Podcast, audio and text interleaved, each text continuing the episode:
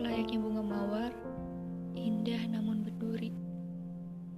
Para lebah datang karena harumnya mewangi. Warnanya merah berseri, terlihat bahagia dari kejauhan. Padahal, intisarinya penuh dengan ketakutan. Ia membangun pertahanan diri, menumbuhkan duri Tetap saja lebah itu tak berhenti menghampiri.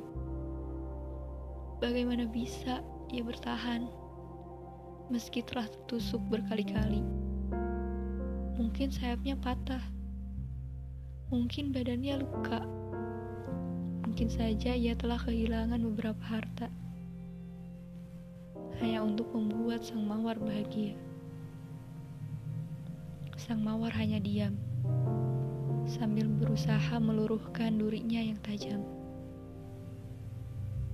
Ternyata lebah itu tetap datang menghampiri sang mawar setiap malam untuk membuang senjatanya satu persatu. Lalu sang mawar bertanya, "Jika semua duriku luruh karenamu, bagaimana bisa aku bertahan?" Lebah bilang, "Kini aku yang akan menjagamu siang dan malam." Tak akan aku biarkan serangga lain mengusikmu. Lalu Mawar kembali menjawab, "Tapi tubuhmu sudah penuh luka karena aku. Bagaimana bisa kau menjagaku?" Lebah bilang, "Lukaku akan sembuh karena kau.